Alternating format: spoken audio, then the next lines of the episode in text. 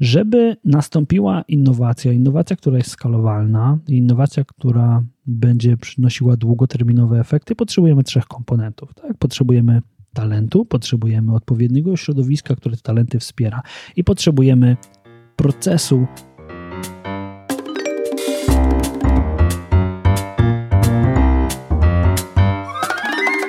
Edu. Podcast o szkoleniach, prezentacjach i technologiach wspierających rozwój. Jeśli zależy Ci na efektywności szkoleń i interesują Cię nowinki techniczne, ten podcast jest właśnie dla Ciebie. Cześć, przy mikrofonie Piotr Peszko, a to jest 26 odcinek podcastu 2EDU. Jednocześnie jest to premierowa audycja w radio Zagłębie FM, która nosi wdzięczną nazwę e-learning. Czyli Droga mamo, nie wyniosę śmieci, bo e-learning robię. Czyli drogi szefie, nie mogę wykonać planu sprzedażowego, bo e-learning robię. A tak całkiem serio, to będziemy rozmawiać właśnie o e-learningu. Bardzo się cieszę z tej takiej delikatnej zmiany formuły. I z tej okazji występ solowy. Występ solowy, do którego przygotowałem się dość długo, bo jest o tyle ważne, że szkolenia online, e-learning, kursy online, kursy internetowe którymi się zajmuję, które, które lubię, są moją pasją, ciągle uważane są za coś innowacyjnego. Z mojej perspektywy hmm, zdążyłem się do nich przyzwyczaić, a z perspektywy wielu odbiorców są czymś innowacyjnym, z perspektywy firm są czymś innowacyjnym. Zapraszam Was dzisiaj na takie krótkie rozmyślanie na temat tego, w jaki sposób taką innowację można w firmie wdrożyć, w jaki sposób taka innowacja może hmm, funkcjonować.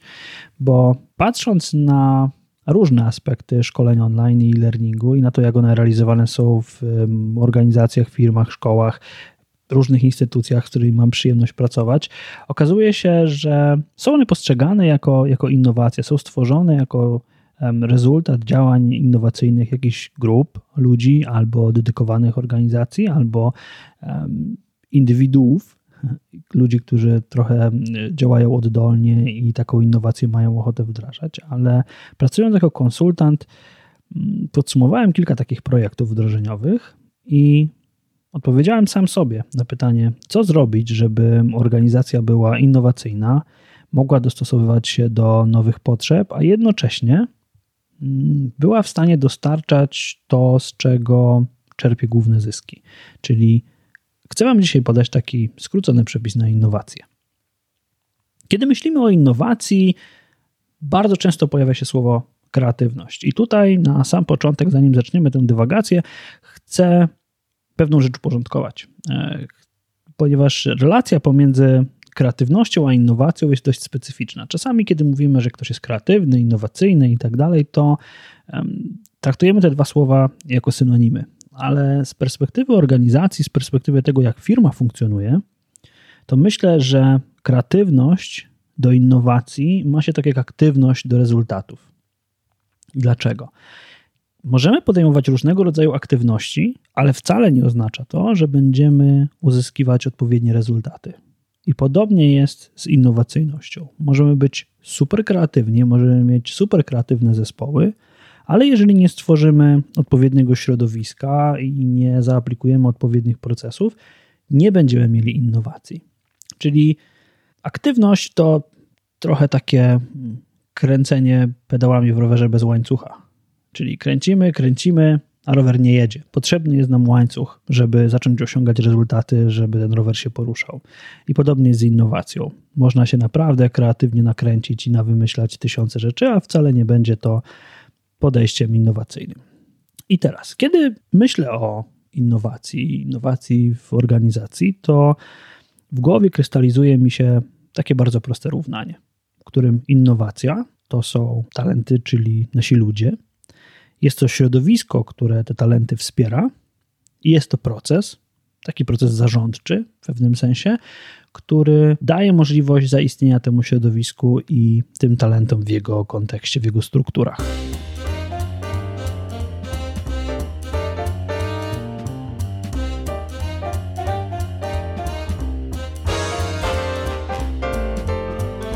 Skupmy się więc teraz na punkcie numer jeden, czyli na talentach. Kiedy mówimy o kreatywności, która dla innowacyjności jest potrzebna, no to musimy się zastanowić, gdzie ta kreatywność siedzi. No oczywiście ona siedzi w naszych ludziach. bez naszych ludzi, bez ich kreatywności nie będzie żadnej, żadnej zmiany, żadnej innowacyjności, nie będzie nowych pomysłów.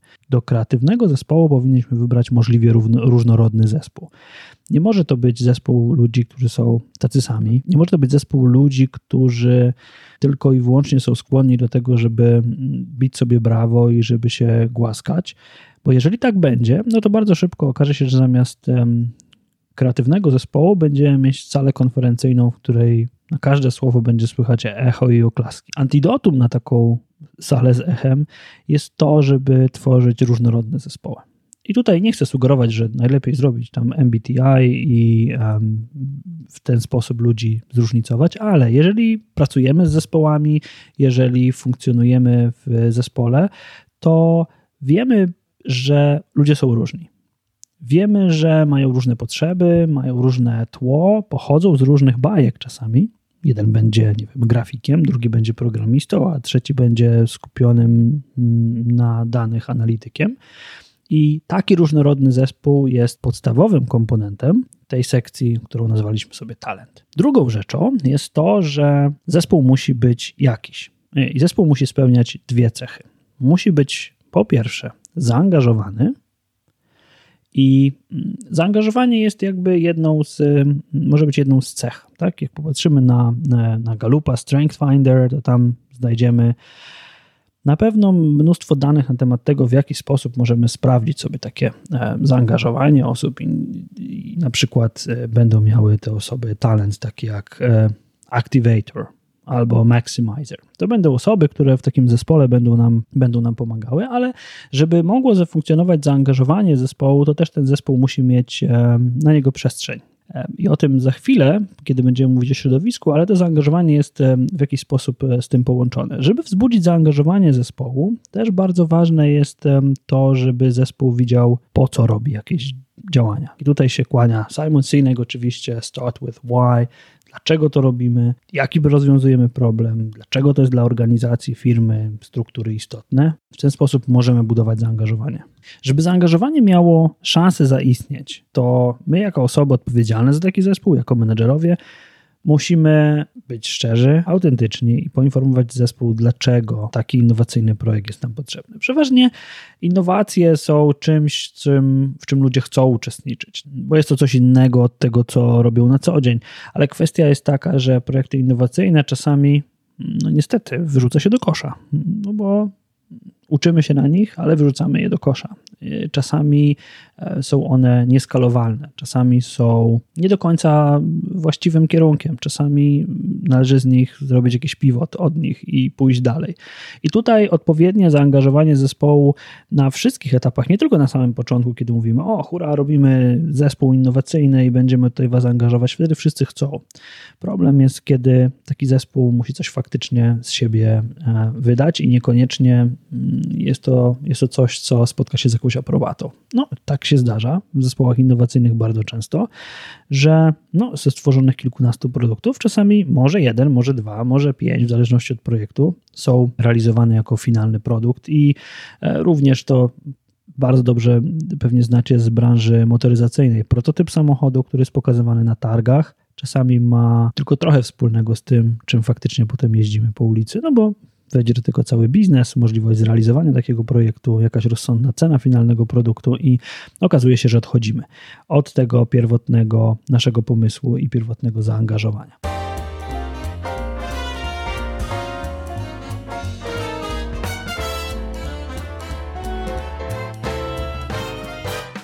Kiedy przejdziemy do kolejnego punktu, on wcale nie jest mniej ważny niż pozostałe i to jest mindset. Jeżeli zadamy sobie pytanie, jaka jest różnica pomiędzy porażką a uczeniem się? No, to właśnie jest Twoje podejście, bo kiedy nazywasz coś, nie wiem, kiedy coś się nie uda, kiedy polegniemy na jakimś projekcie, no to możemy powiedzieć, ojej, jesteśmy beznadziejni, nie daliśmy rady, czyjaś wina i tak dalej, a możemy usiąść, zastanowić się, dobra, nie zrobiliśmy tego, bierzemy to na klatę, ale teraz tak naprawdę czego nauczyliśmy się robiąc, robiąc to zadanie.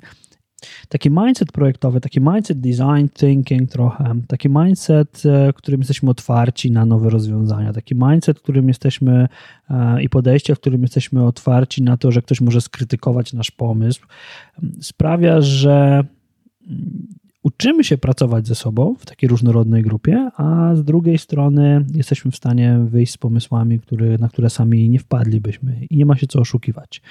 Praca w grupie chociaż jej nie przeceniam, ponieważ praca indywiduów czasami jest naprawdę bardzo wartościowa, to praca w grupie naprawdę pozwala w dość szybki sposób przynieść konkretne rezultaty, zwłaszcza jeżeli ta grupa jest zorientowana na to, co naprawdę chce osiągnąć. Więc jeżeli patrzymy na talenty, podsumując tę naszą część pierwszą, no to mamy różnorodny zespół, zespół, który jest zaangażowany i zespół, który ma odpowiedni mindset, czyli to jest nasza podstawa, nasz pierwszy komponent do tego, żeby innowacyjny zespół zbudować.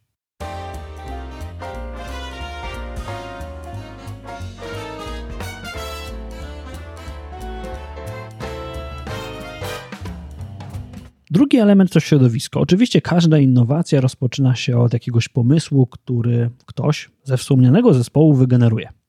Ale ludzie nie będą w stanie generować żadnych pomysłów, dopóki nie stworzy im się odpowiedniego środowiska. Środowiska, w którym no i tutaj trochę możemy taką analogię szklarni przystosować, w którym będzie odpowiednio ciepło, odpowiednio wygodnie, będą odpowiednie środki do tego, żeby pomysły mogły, mogły powstawać.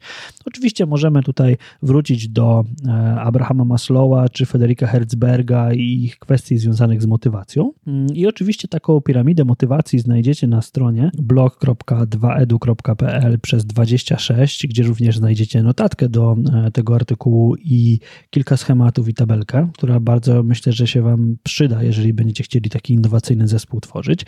Ale kiedy mówimy o tej piramidzie potrzeb, przede wszystkim na samym dole będzie taka grupa potrzeb związanych z satysfakcją. I nie chcę tutaj specjalnie przynudzać, bo piramidę potrzeb wszyscy znamy, ale właśnie na poziomie tej, tych takich rzeczy związanych z satysfakcją powinna się pojawić, co jest bardzo, bardzo ważne przy projektach innowacyjnych, wolność eksperymentowania, czyli jeżeli chcę coś spróbować, to nikt nie mówi mi, że, że nie mogę. Tutaj pojawia się również wolność do tego, żeby i przyzwolenie, może nie wolność, a przyzwolenie na porażkę, przyzwolenie na popełnienie błędów i ostatnim elementem jest poczucie bezpieczeństwa. Kiedy ludzie mają wychodzić poza mm, ramy, w których do tej pory funkcjonowali, potrzebują mieć poczucie bezpieczeństwa, że nawet jeżeli, brzydko mówiąc, nie dowiozą jakiegoś projektu super funkcjonalnego, albo po prostu okaże się, że dużo bardziej się uczyli mm, niż tworzyli produkt i na przykład przynoszą informację, która mówi: Nie idźmy w tych dziesięciu kierunkach, ale wybierzmy dwa, to dla firmy i z perspektywy organizacji może być to bardzo, bardzo ważna e, informacja.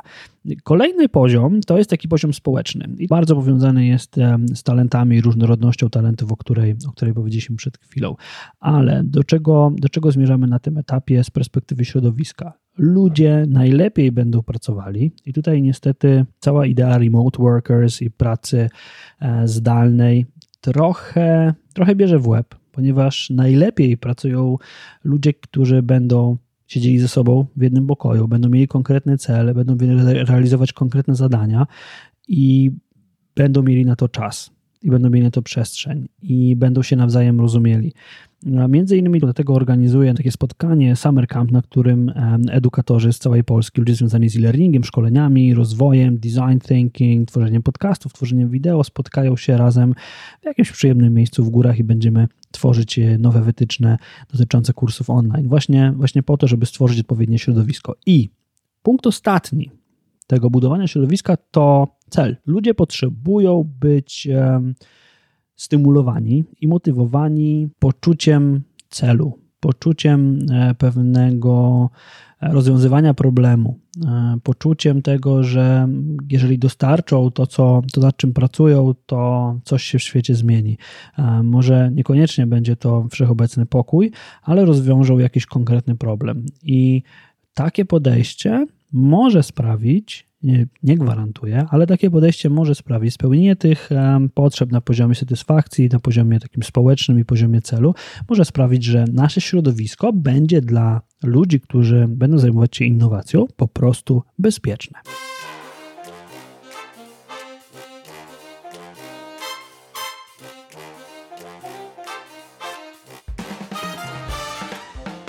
Mamy załatwiony talent i mamy załatwione środowisko. I teraz element ostatni proces. Kiedy myślałem o tym, jakie znaczenie ma ten proces, stwierdziłem, że ojej, ale ten proces nam tu trochę nie pasuje. Kiedy myślę, jak innowacyjne zespoły działały, przynajmniej te, które odnosiły sukces, z którymi miałem przyjemność pracować, no to okazuje się, że tam ten proces istniał. Proces, który miał za zadanie prototyp albo rozwiązanie, albo wnioski z danej pracy skalować na poziom organizacji. Ten proces był potrzebny do tego, żeby od zdefiniowanego problemu poprzez status quo, czyli stan taki jak mieliśmy, poprzez możliwe rozwiązania i plan przejść do takiej sytuacji, w której możemy podejmować działania. I tutaj proces, który chciałbym Wam zaproponować jako dość ciekawe rozwiązanie, nazywa się 5P od Problem, Present, Possible, Plan, Pivot. Proces jest nam potrzebny, ponieważ kiedy mamy dobry zespół, mamy dobre pomysły, mamy odpowiednie środowisko, które wspiera ten proces, więc innowacja potrzebuje czegoś, co zabierze ją dalej. Z drugiej strony, jeżeli taki zespół ma funkcjonować z powodzeniem w organizacji, taki zespół innowacyjny i ma nie zostać zamknięty, to potrzebuje zrozumiałego dla menedżerów i organizacji procesu oprócz tego powtarzalnego procesu. Procesu, który będzie wspierał dostarczanie odpowiednich rezultatów. I teraz ten proces 5P, czyli proces takiego tworzenia innowacji, w takim najbardziej ogólnym spojrzeniu składa się z kilku prostych kroków. Startując proces 5P, zaczynamy od dobrego zdefiniowania problemu. Jest to czasami nie dość e, łatwe, ale chodzi o to, żeby w możliwie precyzyjny sposób zdefiniować, na czym problem polega. Oczywiście powiecie mi teraz, że w organizacjach dużych i korporacjach nie mówi się problem, tylko okazja, e, no ale e, postępujmy zgodnie z tym, co jest w modelu 5P, czyli numer jeden, czyli problem. Definiujemy serią pytań, definiujemy sobie ten problem, definiujemy problem, który chcemy rozwiązać. Następny element to jest od słowa angielskiego present. Zespół powinien przeanalizować mm, stan obecny. Czyli zanim przejdzie dalej, powinien się e, zastanowić, jaki jest aktualny status tego, tego problemu, tej sytuacji, która ma zostać rozwiązana, albo tego technicznego wyzwania, które ma zostać rozwiązane.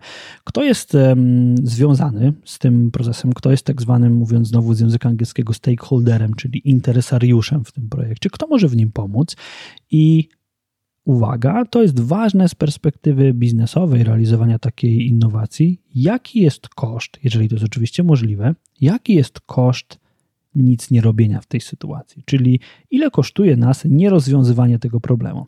E, oczywiście powiecie, że no tutaj innowacja powinna być wspierana, ale określenie tego kosztu jest bardzo, bardzo ważne, ponieważ służy ono też zakomunikowaniu tego, jeżeli um, zasugerujemy jakieś rozwiązanie, um, to jesteśmy w stanie pokazać wartość dodaną naszego rozwiązania.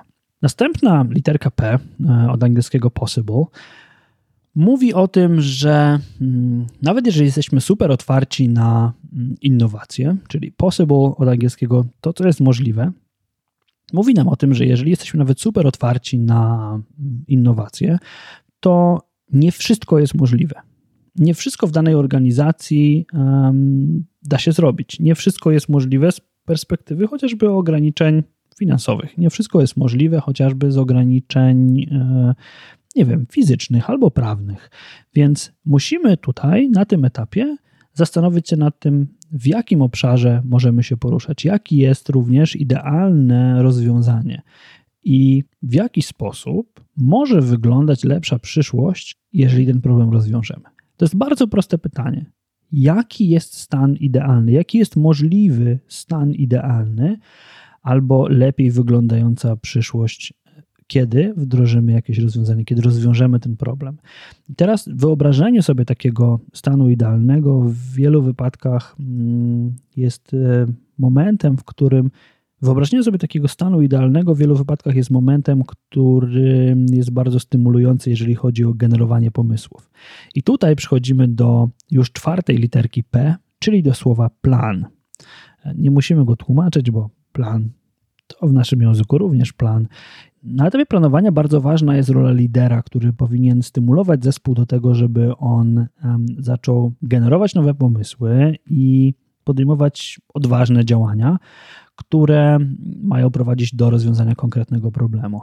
Czasami, nawet w takim bezpiecznym środowisku, ludzie wolą raczej podejmować małe kroczki, małe, bezpieczne rozwiązania, niż um, skoczyć na głęboką wodę. No ale przecież mówimy o innowacji. Czasami innowacja oznacza porzucenie wszystkiego, co do tej pory znaliśmy i zasugerowanie czegoś zupełnie nowego, nowego rozwiązania, nowego, zupełnie nowego podejścia. E, jak widzicie, cały czas powtarzam o tym, że tutaj bardzo ważna jest e, rola lidera. Na etapie tego właśnie procesu ta rola jest niedoceniana w wielu wypadkach. Czasami zespoły innowacyjne są zostawiane samym sobie, ale to um, lubi się mścić. Przechodząc do ostatniego e, etapu, czyli literki P, to pivot. Pivot to taki dość specyficzny ruch. Z tego co pamiętam, to w koszykówce oznaczało, że jedna noga ciągle była e, na parkiecie, ale byliśmy się w stanie obrócić w drugą stronę o 90 stopni, czasami może jeszcze więcej niż o 90 stopni i zacząć poruszać się w innym kierunku. Pivot to ostatni element, który. Moim zdaniem jest bardzo, bardzo ciekawy. On stymuluje zespół do redefiniowania problemu. Może się okazać właśnie, że ten problem, który zdefiniowaliśmy sobie na samym początku, nie jest tym problemem, który my tak naprawdę potrzebujemy i chcemy rozwiązać. Z mojej branży szkoleniowej to czasami wygląda tak, że proszę pana, wdróżmy e-learning bo mamy jakiś problem, na przykład ze sprzedażą, spadającą sprzedażą. A okazuje się właśnie po takim przejściu takiego procesu, że potrzebny jest pivot, bo zupełnie nie jest potrzebne szkolenie, a raczej wsparcie na przykład pracowników. Czyli ten pivot, ten ostatni krok e, powoduje, że znowu wracamy do problemu, znowu wracamy do jego e, redefiniowania i wracamy do sytuacji, w której znowu musimy sobie zadać pytanie, co tak naprawdę chcemy rozwiązać. E, ten proces bardzo, bardzo pomaga, pomimo tego, że może wygląda trochę, e, trochę zawile, ale myślę, że Myślę, że kiedy zerkniecie na link na blogu i zobaczycie e, te pięć punktów, czyli problem, present, possible, plan i pivot, zobaczycie, że naprawdę nie ma w tym nic trudnego. Jeżeli szukalibyście więcej informacji na ten temat, mogę polecić książkę pana um, Steve'a Gladisa. Nazywa się ona Solving the Innovation Mystery, czyli rozwiązując e, zagadkę innowacji. E, mogę Wam ją polecić. On jest jest coachem, autorem i mówcą, który skupia się właśnie na temacie, na temacie innowacji. Podsumowując nasze dzisiejsze rozważanie, żeby nastąpiła innowacja, innowacja, która jest skalowalna, innowacja, która będzie przynosiła długoterminowe efekty, potrzebujemy trzech komponentów. Tak? Potrzebujemy talentu, potrzebujemy odpowiedniego środowiska, które te talenty wspiera i potrzebujemy procesu, który no akurat na przykładzie 5Ps e, tutaj omówiłem, ale potrzebujemy procesu, który będzie skalował tę naszą innowację.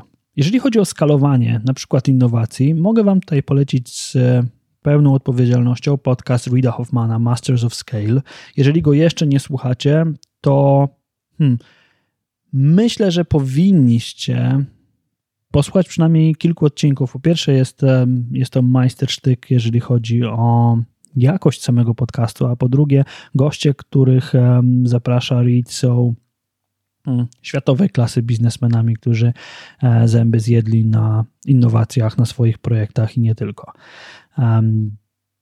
To na dzisiaj tyle. Dziękuję Wam bardzo za uwagę. Wszystkim słuchającym dzisiaj live e, bardzo dziękuję. E, muszę przyznać, że to niesamowite doświadczenie wiedzieć, że e, ktoś mnie słucha na żywo. A jednocześnie proszę Was o komentarze w iTunes.